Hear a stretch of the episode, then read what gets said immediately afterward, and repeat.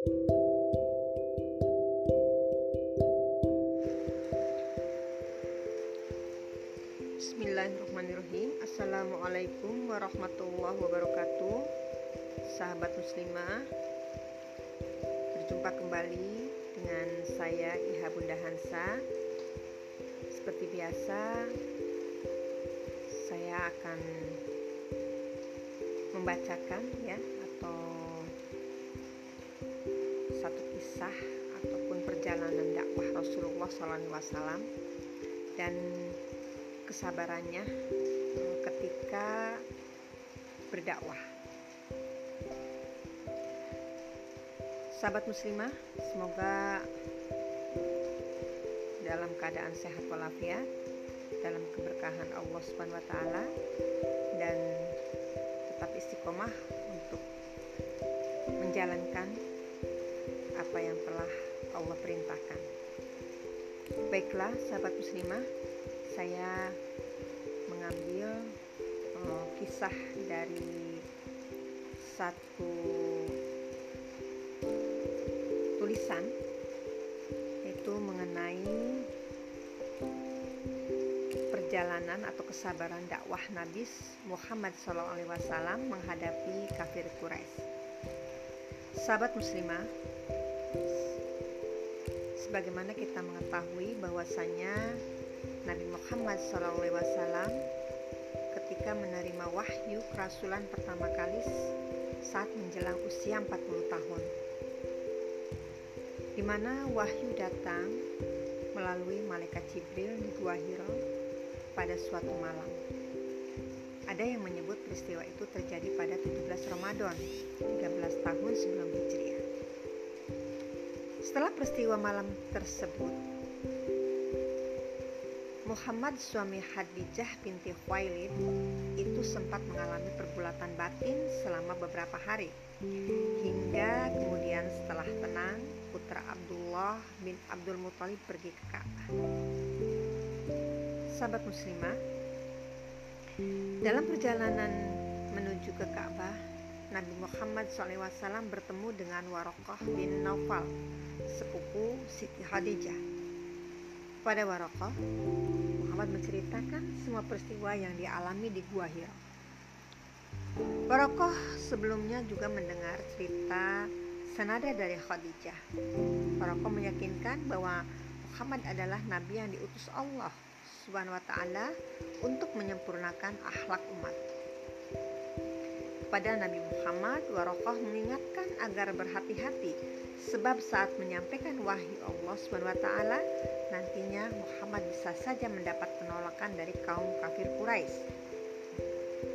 Pastilah kau Muhammad akan didustakan orang, akan disiksa, akan diusir dan akan diperangi. Kalau sampai pada waktu itu aku masih hidup, pasti aku akan membela yang di pihak Allah dengan pembelaan yang sudah diketahuinya. Kata Warokoh kepada Nabi Muhammad SAW seperti dikutip uh, dalam buku sejarah Nabi Muhammad ya, karya Hussein Haikal.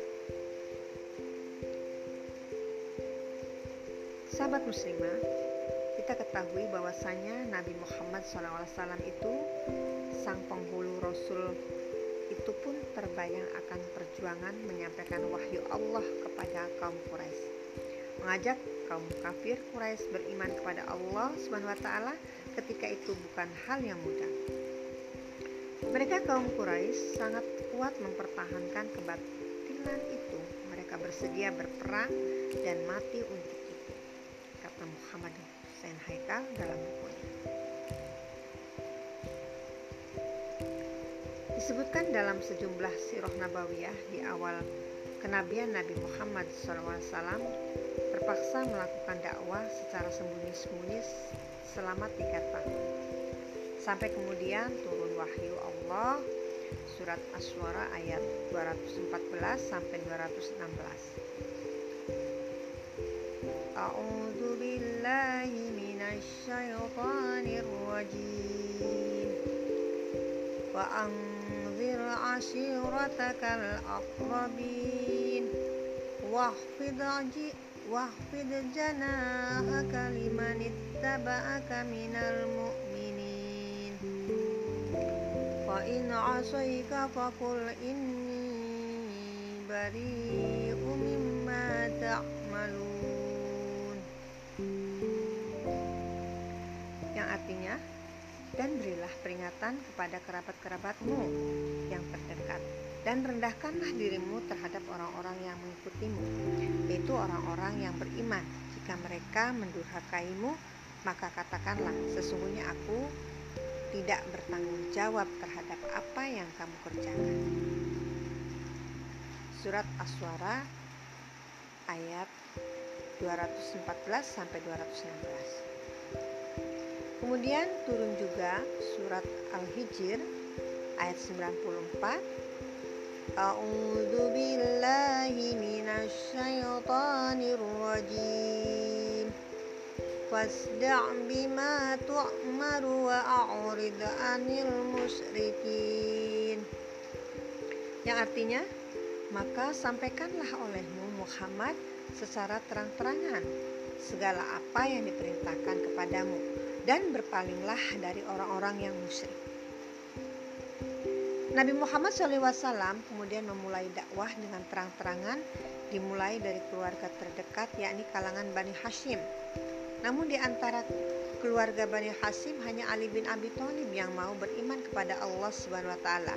Sementara Abu Thalib melindungi dakwah Muhammad namun belum mengucap syahadat. Setelah itu dakwah terang-terangan Nabi Muhammad selalu mendapat pertentangan dari kaum Quraisy. Bahkan para pemuka Quraisy menuduh Nabi Muhammad gila dan sempat melemparkan kotoran ke tubuh Nabi. Termasuk yang menentang dakwah Nabi Muhammad SAW adalah sang pamannya, yaitu Abu Jahal dan Abu Lahab. Bersama kaum Quraisy, kafir Quraisy, Abu Jahal dan Abu Lahab menentang habis-habisan dakwah Rasulullah dan mengintimidasi pengikutnya.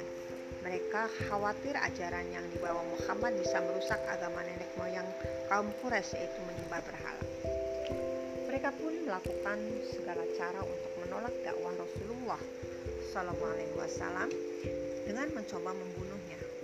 Kaum Quraisy membujuk Abu Talib dengan memberikan sejumlah uang tebusan untuk membiarkan Nabi Muhammad. Rencana pembunuhan dilakukan dengan melibatkan orang di luar suku Quraisy sehingga tidak akan memecah perang saudara. Abu Talib mendengar hal itu, melihat tanda keseriusan Quraisy dalam memerangi dakwah Nabi Muhammad SAW.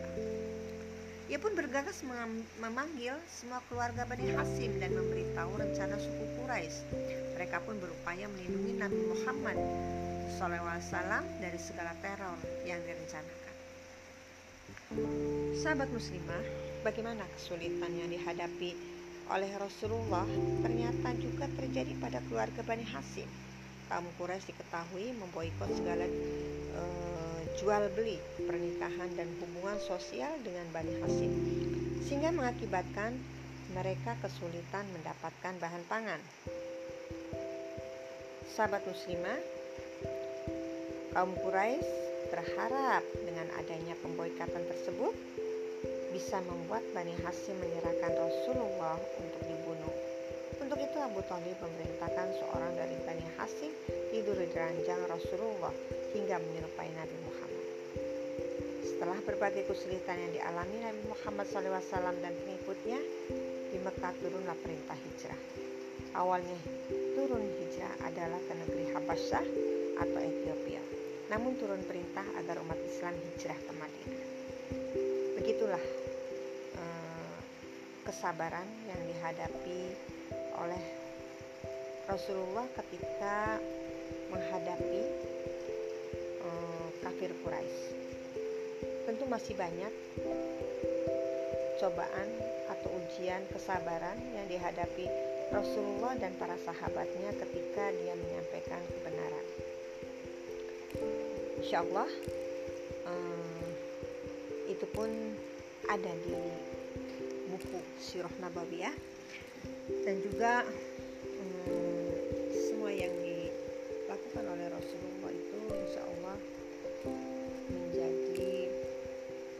pelajaran dan memotivasi kita untuk senantiasa bersabar ketika kita